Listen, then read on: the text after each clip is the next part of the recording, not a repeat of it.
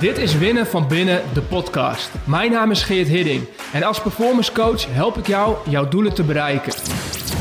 De weg naar succes komt met ongemak, twijfel en onzekerheid. Daarom praten we over mindset, gewoontes en skills en delen de beste tools om te winnen van binnen.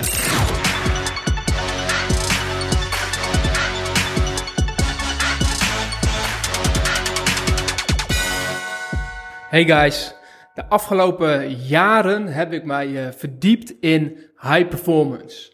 En was ik altijd nieuwsgierig en ben ik nog steeds altijd nieuwsgierig uh, wat ervoor zorgt dat iemand op de top van zijn kunnen presteert. Dus ik hou er enorm van om te kijken naar uh, topsporters en te ontdekken hoe zij zich voorbereiden op het leveren van een prestatie. Of um, te kijken naar artiesten. Of te kijken naar ondernemers. Er zijn zoveel verschillende soorten high performance, high performance uh, in alle takken van sport. En ik vind het in al die takken van sport super interessant. En in dat kader heb ik ook veel opleidingen en trainingen gevolgd. Uh, en mijn eigen huiswerk gedaan. veel in boeken gedoken en mijn eigen studie gedaan. En een van de dingen die voor mij echt een eye-opener was.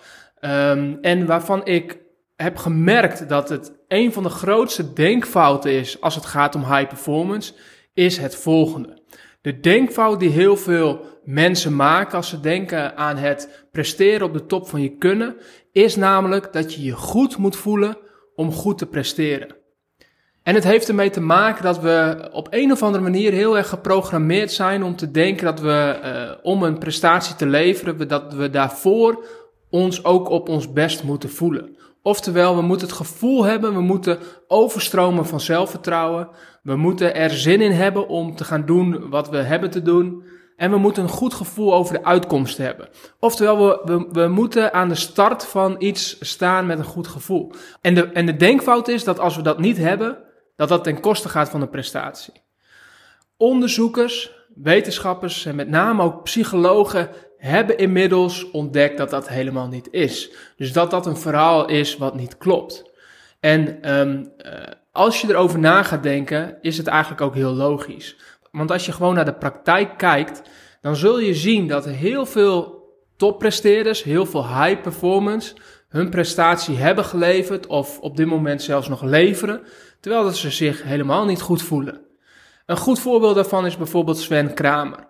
Sven Kramer staat erom bekend dat hij in meerdere interviews heeft aangegeven dat hij vlak voor een race altijd opziet tegen die race. Dat hij het liefste zou willen vluchten. Dat hij helemaal geen zin heeft om aan de start te verschijnen. Hij voelt de druk. Um, hij weet wat er van hem gevraagd gaat worden.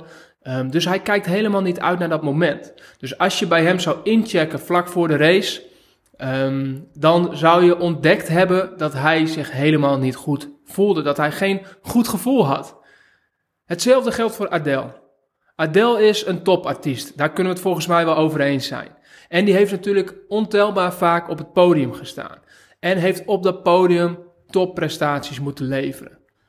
En als je ook naar Adele haar interviews kijkt en luistert, dan geeft ze daarin vaak toe dat ze optreden eigenlijk verschrikkelijk vindt. Als in het gevoel wat ze ervoor heeft en soms ook zelfs het gevoel tijdens het optreden, um, dat ze zich helemaal niet goed voelt. Dat ze zich helemaal niet um, uh, vol vertrouwen voelt of dat ze er zin in heeft, dat ze het echt, echt tof vindt.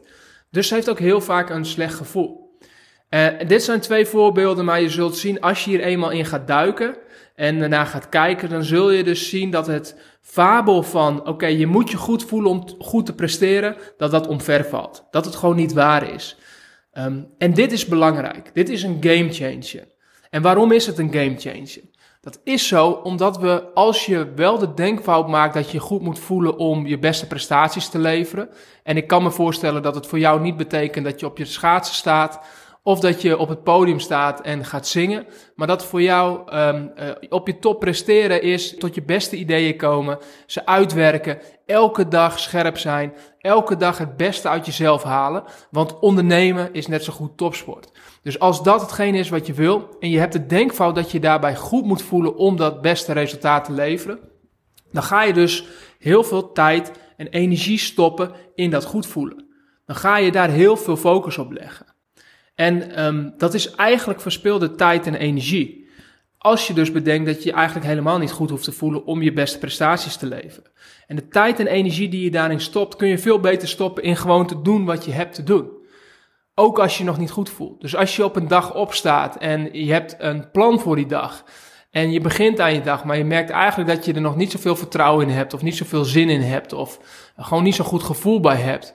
Ehm, dan kun je vanuit het idee van ik moet me eerst goed voelen, allemaal dingen bedenken, energie gaan stoppen in je goed voelen, um, voordat je eraan gaat beginnen. Als je dat dus niet hebt, dan hoef je daar dus ook je tijd en energie niet in te steken. En zul je eigenlijk veel sneller en vaker merken dat dat goede gevoel komt op een moment dat je uh, bezig bent. Of misschien zelfs komt pas nadat je de prestatie geleverd hebt, nadat je het werk geleverd hebt. Alleen het is niet meer een belangrijke pijler waarnaar je op zoek hoeft te gaan. Uh, dus dat scheelt een hele hoop energie en tijd. En daarnaast is het zo dat je hiermee ook voor jezelf een belangrijk excuus weghaalt om te doen wat belangrijk is, om te doen wat je hebt te doen. En dat klinkt misschien een beetje flauw, maar ik weet hoe makkelijk het is om jezelf het excuus te verkopen um, dat je je nog niet echt lekker voelt, dat je er nog niet echt goed in zit en dat je dus daarmee dus taken en activiteiten maar naar achteren blijft schuiven.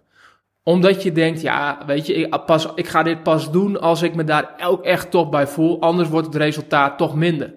En ergens is het een verkapt excuus en is het een, een manier om te vluchten. Is het een manier om weg te duiken voor datgene wat je met jezelf hebt afgesproken en datgene waarvan je weet dat het belangrijk is om te doen?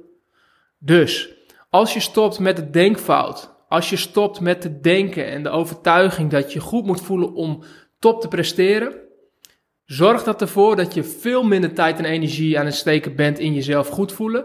Dat je al die trucjes niet meer nodig hebt, um, maar dat je veel sneller en veel makkelijker kunt gaan doen wat je hebt te doen. En je tackelt een groot excuus. Een excuus waar heel veel mensen intrappen om niet te doen wat ze hebben te doen. Om niet in beweging te komen. En dat is, ja, ik doe het nog niet, want ik voel me nog niet goed genoeg voor dat stuk, voor die taak. En dat scheelt.